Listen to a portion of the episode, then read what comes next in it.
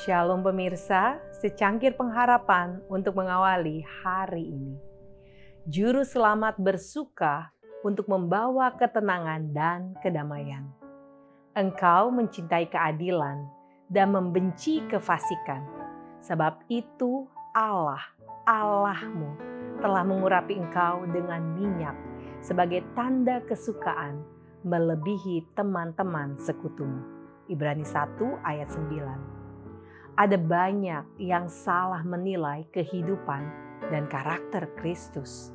Mereka berpikir bahwa dia tidak memiliki kehangatan dan selalu murung, bahwa dia kaku, keras, dan tidak memiliki sukacita bahwa seluruh pengalaman keagamaannya selalu diwarnai oleh pandangan-pandangan yang suram.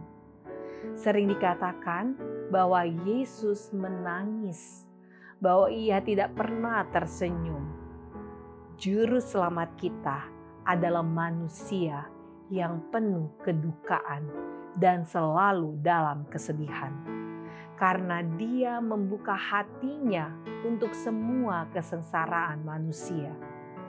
Tetapi meskipun hidupnya penuh penyangkalan diri dan dibayangi dengan rasa kepahitan dan keprihatinan, jiwanya tidak hancur.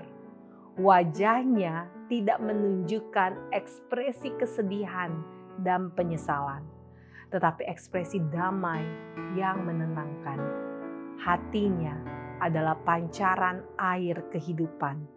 Dan ke mana pun dia pergi, dia membawa kelegaan dan kedamaian, sukacita dan kegembiraan.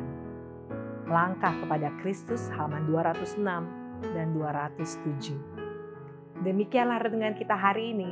Selalu mulai harimu dengan secangkir